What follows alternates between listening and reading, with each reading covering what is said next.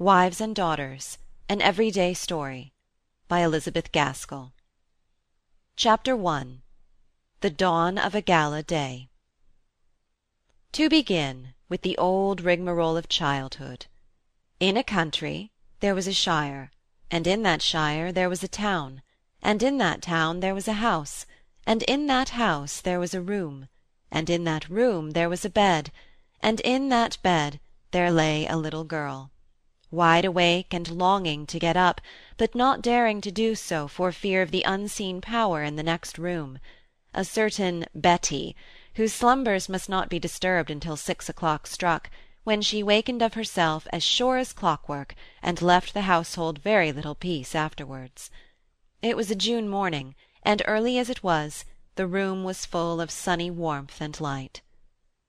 On the drawers opposite to the little white dimity bed in which Molly Gibson lay, was a primitive kind of bonnet stand, on which was hung a bonnet, carefully covered over, from any chance of dust, with a large cotton handkerchief, of so heavy and serviceable a texture that if the thing underneath it had been a flimsy fabric of gauze and lace and flowers, it would have been altogether "scumfished," again to quote from Betty's vocabulary. But the bonnet was made of solid straw, and its only trimming was a plain white ribbon put over the crown, and forming the strings. Still there was a neat little quilling inside, every plait of which Molly knew, for had she not made it herself the evening before with infinite pains? And was not there a little blue bow in this quilling, the very first bit of such finery Molly had ever had the prospect of wearing? Six o'clock now. The pleasant brisk ringing of the church bells told that, calling every one to their daily work, as they had done for hundreds of years. Up jumped Molly, and ran with her bare little feet across the room, and lifted off the handkerchief and saw once again the bonnet, the pledge of the bright gay day to come. Then to the window, and after some tugging, she opened the casement and let in the sweet morning air. The dew was already off the flowers in the garden below, but still rising from the long hay-grass in the meadows directly beyond. At one side lay the little town of Hollingford, into a street of which Mr. Gibson's front door opened, and delicate columns and little puffs of smoke were already beginning to rise from many a cottage chimney where some housewife was already up and preparing breakfast for the bread-winner of the family. Molly Gibson saw all this, but all she thought about was, "Oh, it will be a fine day!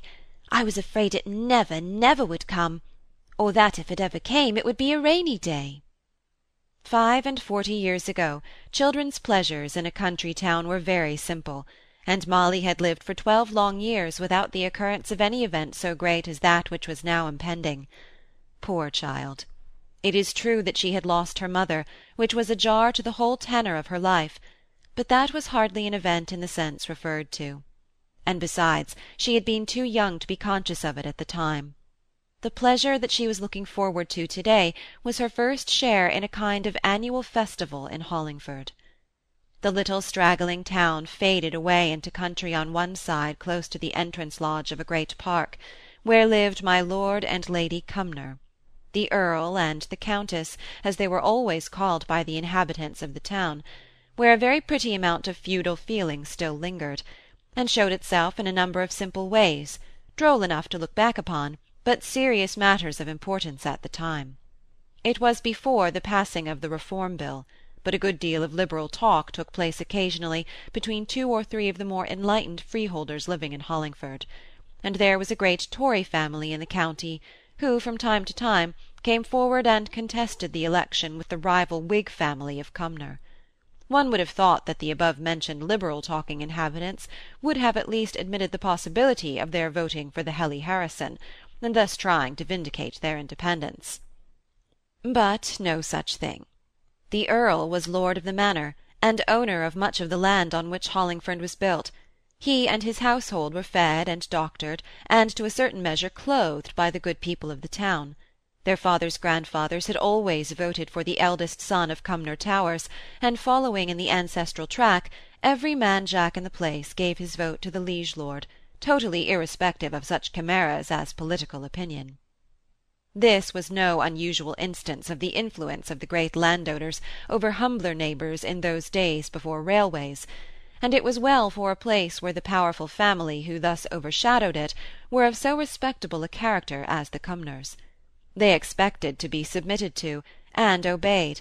The simple worship of the townspeople was accepted by the Earl and Countess as a right, and they would have stood still in amazement, and with a horrid memory of the French sans culottes who were the bugbears of their youth, had any inhabitant of Hollingford ventured to set his will or opinions in opposition to those of the Earl but yielded all that obeisance they did a good deal for the town, and were generally condescending, and often thoughtful and kind in their treatment of their vassals.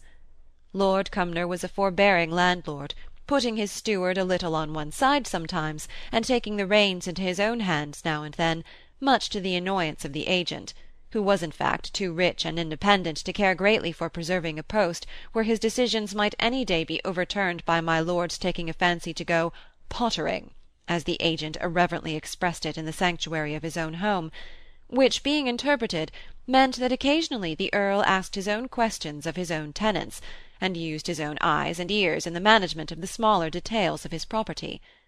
But his tenants liked my lord all the better for this habit of his. Lord Cumnor had certainly a little time for gossip, which he contrived to combine with the failing of personal intervention between the old land steward and the tenantry. But then the Countess made up by her unapproachable dignity for this weakness of the Earl's. Once a year she was condescending. She and the ladies, her daughters, had set up a school. Not a school after the manner of schools nowadays, where far better intellectual teaching is given to the boys and girls of labourers and work-people than often falls to the lot of their betters in worldly estate, but a school of the kind we should call industrial, where the girls are taught to sew beautifully, to be capital housemaids, and pretty fair cooks, and above all to dress neatly in a kind of charity uniform devised by the ladies of Cumnor Towers white caps, white tippets, check aprons, blue gowns, and ready curtsies, and "Please, moms," being de rigueur. Now, as the Countess was absent from the Towers for a considerable part of the year, she was glad to enlist the sympathy of the Hollingford ladies in this school with a view to obtaining their aid as visitors during the many months that she and her daughters were away. And the various unoccupied gentlewomen of the town responded to the call of their liege lady, and gave her their service as required; and along with it a great deal of whispered and fussy admiration. "How good of the Countess! So like the dear Countess! Always thinking of others!" and so on while it was always supposed that no strangers had seen Hollingford properly unless they had been taken to the Countess's school, and been duly impressed by the neat little pupils, and the still neater needlework there to be inspected. In return, there was a day of honour set apart every summer, when with much gracious and stately hospitality Lady Cumnor and her daughters received all the school visitors at the Towers, the great family mansion standing in aristocratic seclusion in the centre of the large park, of which one of the lodges was close to the little town. The order of this annual festivity was this. About ten o'clock one of the Towers' carriages rolled through the lodge, and drove to different houses, wherein dwelt a woman to be honoured, picking them up by ones or twos, till the loaded carriage drove back again through the ready portals, bowled along the smooth tree-shaded road, and deposited its covey of smartly dressed ladies on the great flight of steps leading to the ponderous doors of Cumnor Towers.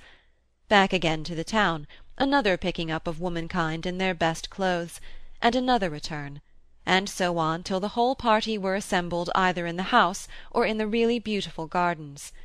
After the proper amount of exhibition on the one part and admiration on the other had been done, there was a collation for the visitors, and some more display and admiration of the treasures inside the house. Towards four o'clock coffee was brought round, and this was a signal of the approaching carriage that was to take them back to their own homes, whither they returned with the happy consciousness of a well-spent day, but with some fatigue at the long-continued exertion of behaving their best, and talking on stilts for so many hours. Nor were Lady Cumnor and her daughters free from something of the same self-approbation, and something too of the same fatigue, the fatigue that always follows on conscious efforts to behave as will best please the society you are in.